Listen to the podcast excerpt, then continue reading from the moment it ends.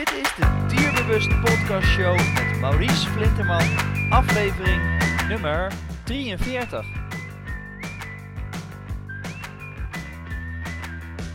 Welkom bij de Dierbewust Podcast Show, waarin je luistert naar experts die je voorzien van de beste informatie, tips en tricks op het gebied van honden.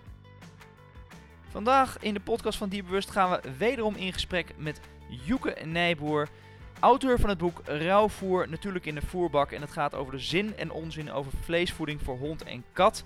Vandaag zoomen we in op uh, het gesprek uh, van, over hoofdstuk 5, voedselovergevoeligheid. En alles wat daarbij komt kijken, van bijvoorbeeld huidproblemen tot aan diarree en obstipatie. Een heel interessant uh, onderwerp, heel belangrijk om naar te luisteren. Dus ik hoop dat je met ons meegaat inzoomen op hoofdstuk 5 van het boek Rauwvoer, natuurlijk in de voerbak van Joeke Nijboer. Die kreten jij net zoals pas ook zei, let food by thy medicine en medicine by thy food. Dat is een kreet van onze vriend Hippocrates, de oude arts die 400 jaar voor Christus leefde. Heel belangrijk is en eigenlijk nog steeds ook geld natuurlijk. Hè? Want als je een goede voeding geeft, dan betekent ook automatisch dat je direct al heel veel problemen voorkomt eh, bij de hond. En dus ook niet meer naar een dierenhonds, dierarts hoeft eigenlijk. Maar wat Hippocrates ook zei, is dat je ook zei dat uh, je goed aandacht moeten, moet geven aan de hygiëne bij de voeding. Want als je niet hygiëne, uh, aandacht geeft bij de hygiëne bij de voeding, krijg je ziektes. En daar komen we straks ongetwijfeld op terug.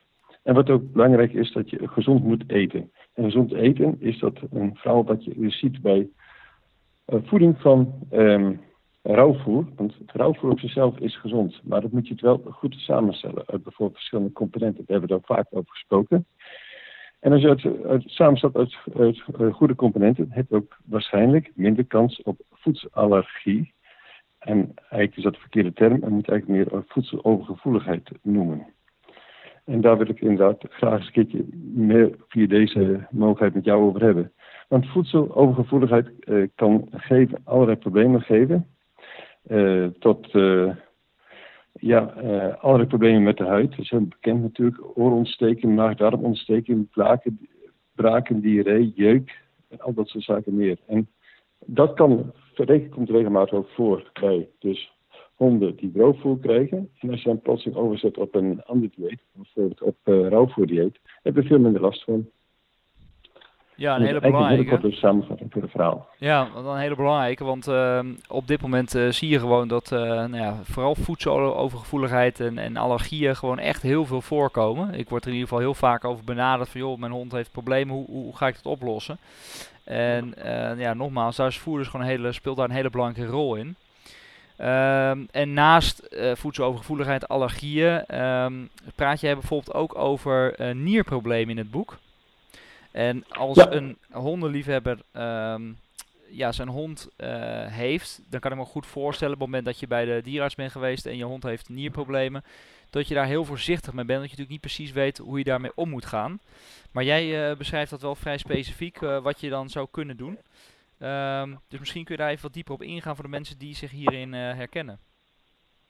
Ja, nierproblemen komt wat minder vaak voor bij honden dan bij katten, maar het komt zeker ook voor bij honden. En je kunt dus verschillende gradaties van nierproblemen uh, bekijken. Dus acute nierziekte of acute nierproblemen kan ontstaan. Dan moet je vaak ook infuustherapie geven om de dier te laten herstellen. Kan bijvoorbeeld door cyclus komen. Maar meestal heeft het te maken met chronische nierproblemen. En chronisch nierprobleem zie je eigenlijk vaak dat de hond het lekker doet, niet in, uh, lekker in zijn vel zit, en huid niet helemaal goed mooi is, zijn meer goed mooi is. En maar natuurlijk ook heel veel plassen, overal plassen. En dat is een typisch iets van een hond met nierproblemen. Heel veel plassen, overal plassen. Je moet dus naar de dierarts gaan en die kan kijken of het uh, acuut nierziekte of een chronische nierziekte is. En vervolgens kan je dus, uh, als een chronische nierziekte doen, kan hij dus verwijzen door jij, jou een speciaal commercieel nierdieet geven, te, te aan te bevelen. Laag ijvergehalte, hoog biologische waarde en laag kruimgehalte, zoals brok en dikvoer. Maar je kunt ook een ander, ander product gebeuren, gebruiken en dat is rauwvoer in verschillende gradaties. Nierproblemen zelf zijn te onderscheiden in een viertal categorieën. Uh, van, van minder erg tot erg, heel erg. En heel erg, daar moet je erg mee oppassen. Dan moet je eigenlijk zeggen van ja, uh, de, de nieren scheiden naast het water dus ook heel veel eiwitten uit, alle voedingsstoffen uit. En, en dan zie je uiteindelijk dat een dier zich zo verergert en zo slecht is dat je moet afvragen of nog langer zo'n dier in leven wil houden. Maar de gradaties 1, 2 en 3, daar kun je zeker wel iets aan doen. En zeker de gradatie 1, waarbij dus een uitscheiding is van veel vocht en veel water is. Uh, en waar je dus een dier bij gebaat is, bij de juiste hoeveelheid eiwitten. Eiwitten met een goede samenstelling. Dus een goede aminozuurpatroon met een hoge biologische waarde. En vleessoorten, uh, rauwvoersoorten, zijn dus uh, over het algemeen producten met een hoge biologische waarde. Die ideaal afgestemd is op, op een, honden. En dat moet je gaan, kun je gaan voeren. Moet je wel een beperkte mate voeren, niet een overmaat voeren. Want als je te veel eiwitten geeft, dan krijg je te veel fosfor. En te veel fosfor is ook niet geweldig goed en wordt opgeslagen. Wordt niet, wordt niet uitgescheiden door de nieren en wordt dus opgeslagen in het bloed. En als je dus te veel vlees is ook niet goed. Maar je kunt zeker een bepaalde hoeveelheid vlees geven. Als de nierproblemen erger worden, en dus de uitscheiding van eiwitten uh, slechter wordt en, en ja, de functie, functioneren van nieren slechter wordt, dan zul je toch de hoeveelheid uh, rauwvoer een beetje moeten beperken en meer uh, koolhydraat energierijk voer geven. Dus dat kun je in vorm doen in bijvoorbeeld toevoegen van rijst, witte rijst, gekookte rijst of aardappelen. Of bijvoorbeeld uh, de toevoegen van oliesoorten, visolieachtige soorten. Ook visolie bevat bijvoorbeeld ook uh, uh, meervoudig onverzadigde vetzuren, zoals EPA en DHA. Die de nierfunctie in principe een beetje kunnen helpen verbeteren. Maar je zult er wel, in, als de nierziekte wat erger wordt, zeker de hoeveelheid rauwvoer ietsje moet gaan meer beperken. En dus meer overgaan tot het voeren van energie. In de vorm van dus koolhydraten en vetten. En dus iets minder eiwit in de vorm van vlees. Maar zeker in het begin kun je zeker toch een behoorlijke hoeveelheid overgaan tot het voeren dan tot een behoorlijke portie hoeveelheid vlees. En rauwvoer dus. Maar ik kan me voorstellen, uh, Joeke, dat het moment dat iemand nou ja, geconstateerd uh, of in ieder geval het ziektebeeld krijgt bij de dierenarts van ja, je hond heeft nierproblemen.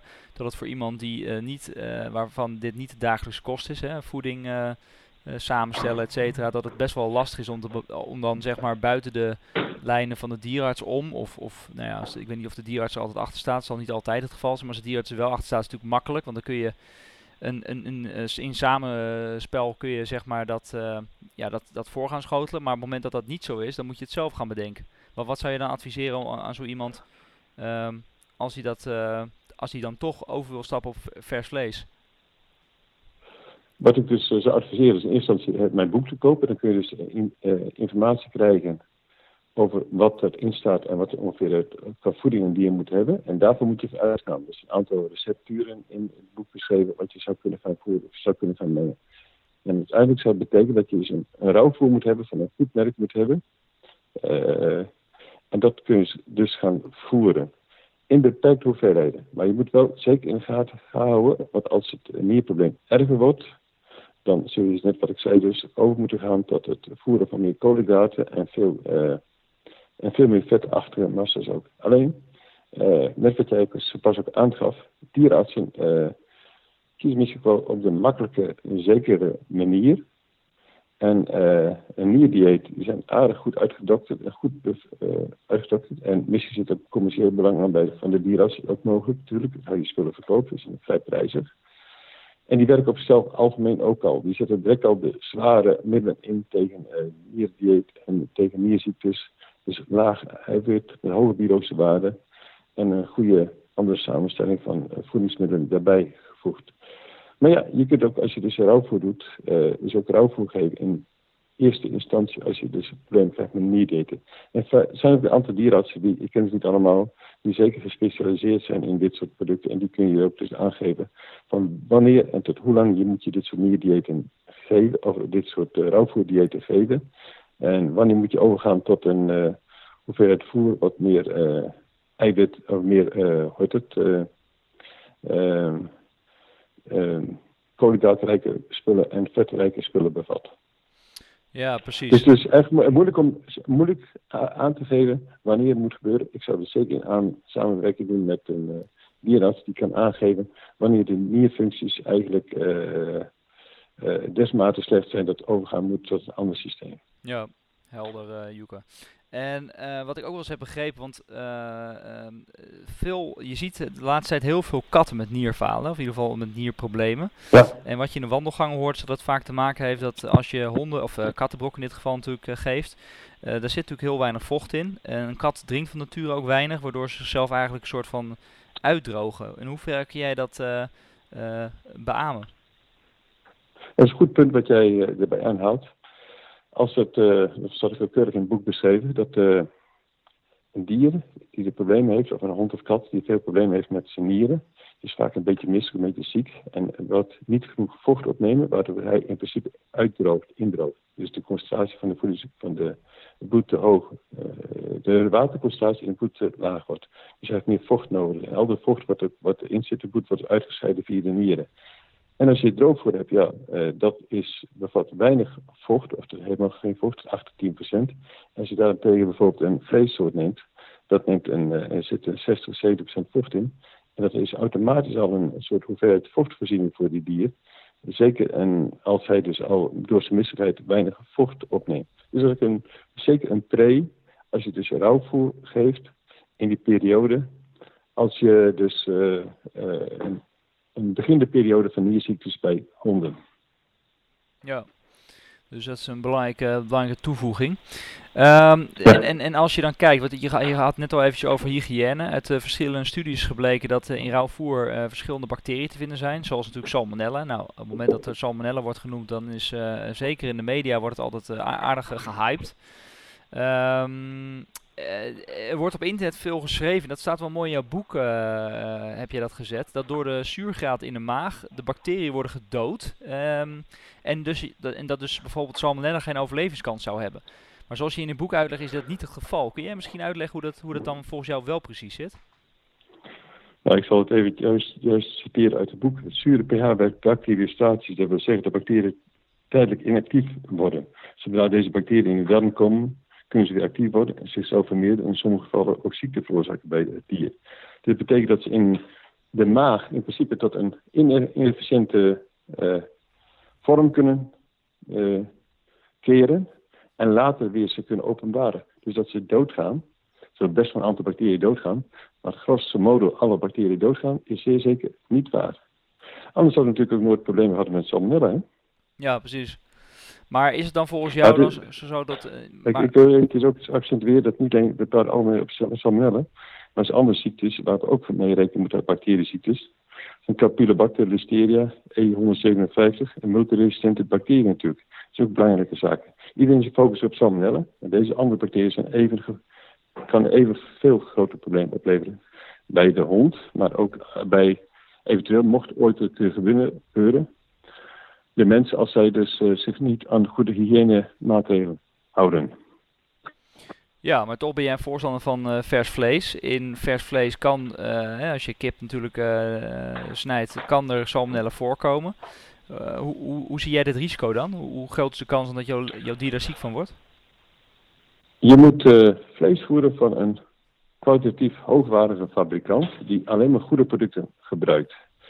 En uh, vleessoorten die afgekeurd zijn, mag je absoluut niet voeren. Je weet niet wat er mee hand is. En vlees wat goedgekeurd is, dat kan worden gebruikt worden.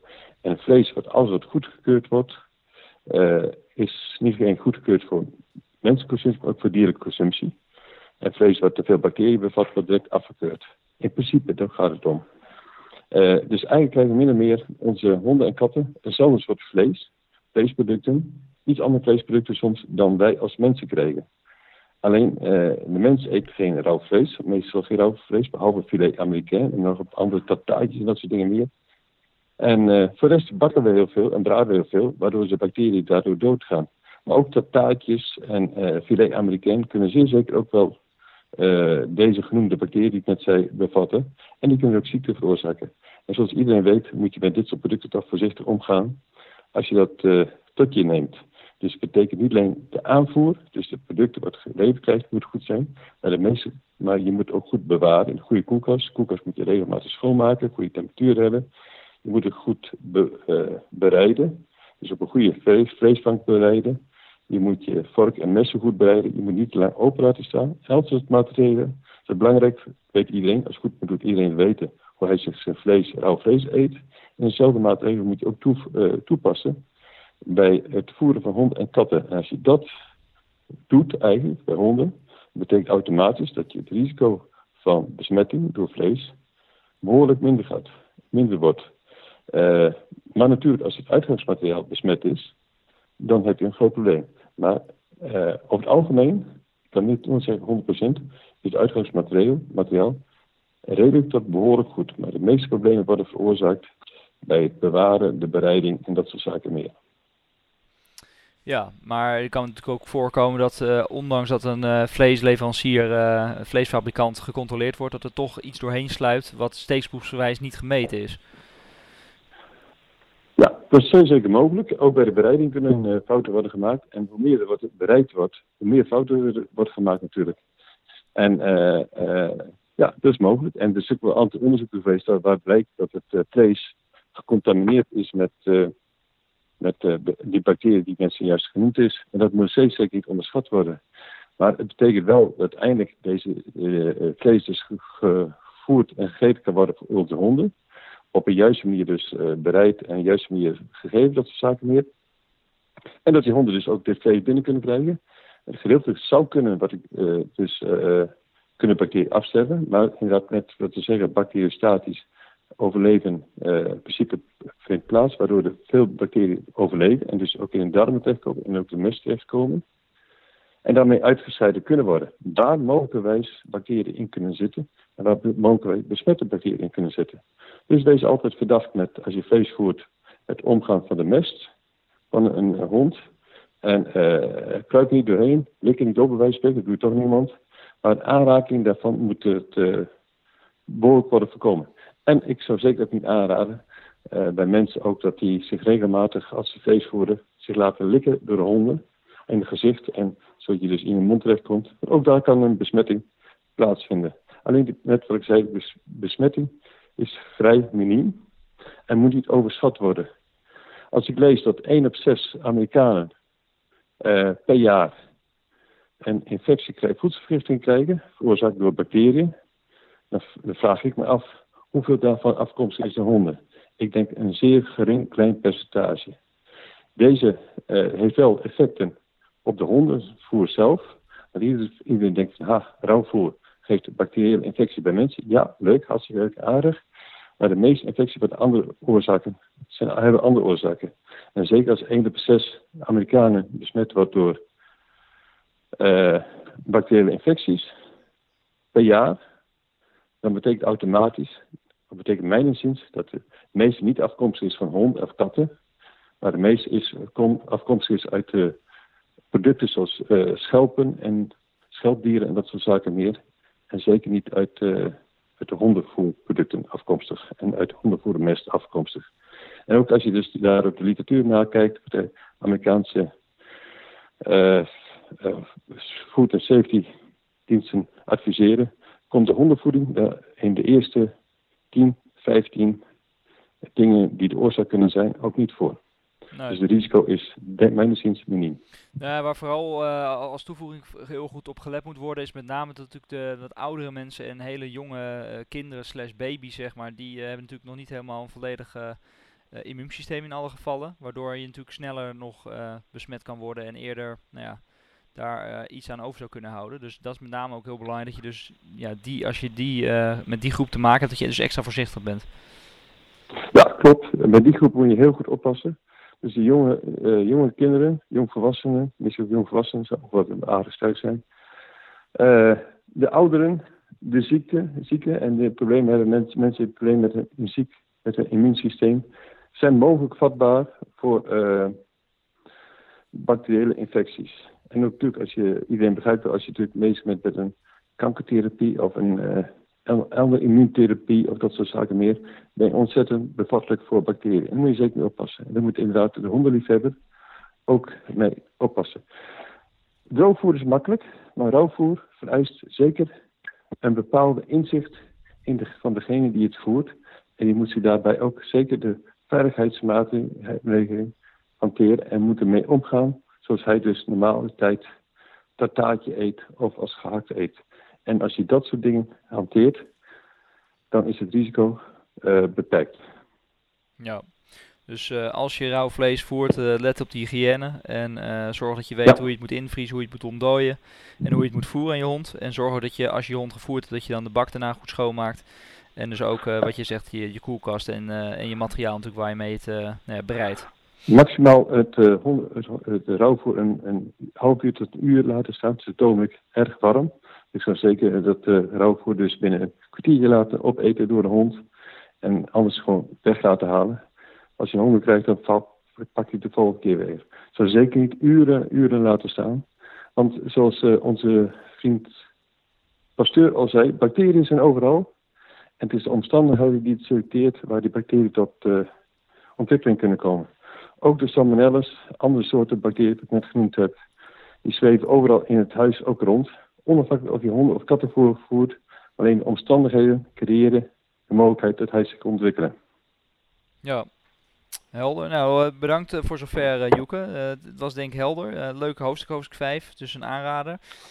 volgende keer dat gaan we in op het laatste hoofdstuk, dat is hoofdstuk 6. En daar gaat het over of je hond in goede conditie is. En je ziet eigenlijk dat heel veel honden te dik zijn op dit moment.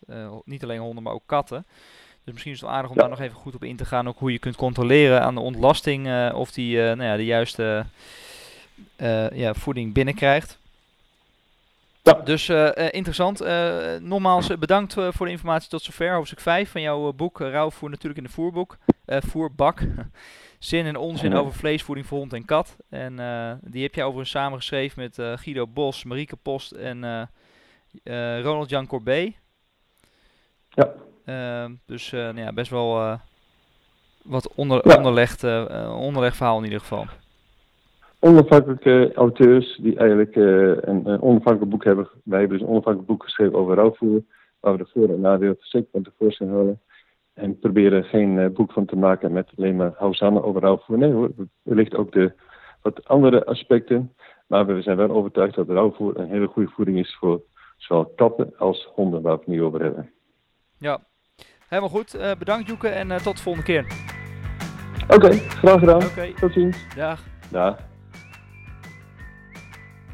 Bedankt voor het luisteren naar onze podcast met voedingsspecialist Joeke Nijboer. Onder andere de auteur van het boek Rauwvoer, natuurlijk in de voerbak, waar we het net zojuist over gehad hebben. En hoofdstuk 3 hebben besproken. Wil jij nou alles te weten komen over Joeke Nijboer en iets over zijn boek? Ga dan naar dierbewust.nl slash 43. Daar vind je onder andere de link naar zijn website, de link naar zijn boek om dit boek te bestellen. Want ik vind het absoluut een aanrader om als basis te hebben als je geïnteresseerd bent in het onderwerp voeding voor hond of kat. Dan is het absoluut een aanrader om in je boekkast te hebben. Uh, om te hebben staan. Uh, volgende keer gaan we inzoomen op hoofdstuk 6, waar we gaan hebben over: uh, is jouw hond in goede conditie? Is jouw hond niet dik? Er zijn heel veel honden lijden aan obesitas. En daar gaan we dus ook antwoord geven op die vraag: is jouw hond te dik? En onder andere, wat zegt de ontlasting van jouw hond? Is het te waterig? Is het misschien wel te hard? Dus volgende keer in de podcast met Joeke Nijboer, hoofd, Nijboer hoofdstuk 6. Voor nu wens ik je een hele fijne dag en wil je meer weten, dan kun je natuurlijk altijd inschrijven op onze mailinglijst via dierbewust.nl en dan word je op de hoogte gehouden van alle dingen die belangrijk zijn voor een dierbewust, een goed kwalitatief hondenleven en om jouw hond in de optimale conditie en gezondheid te houden. Ik hoop dat je de volgende keer weer bij bent. Ik wens je een hele fijne dag en als je deze uh, informatie zinvol vindt, deel het dan met jouw beste vrienden slash hondenliefhebbers.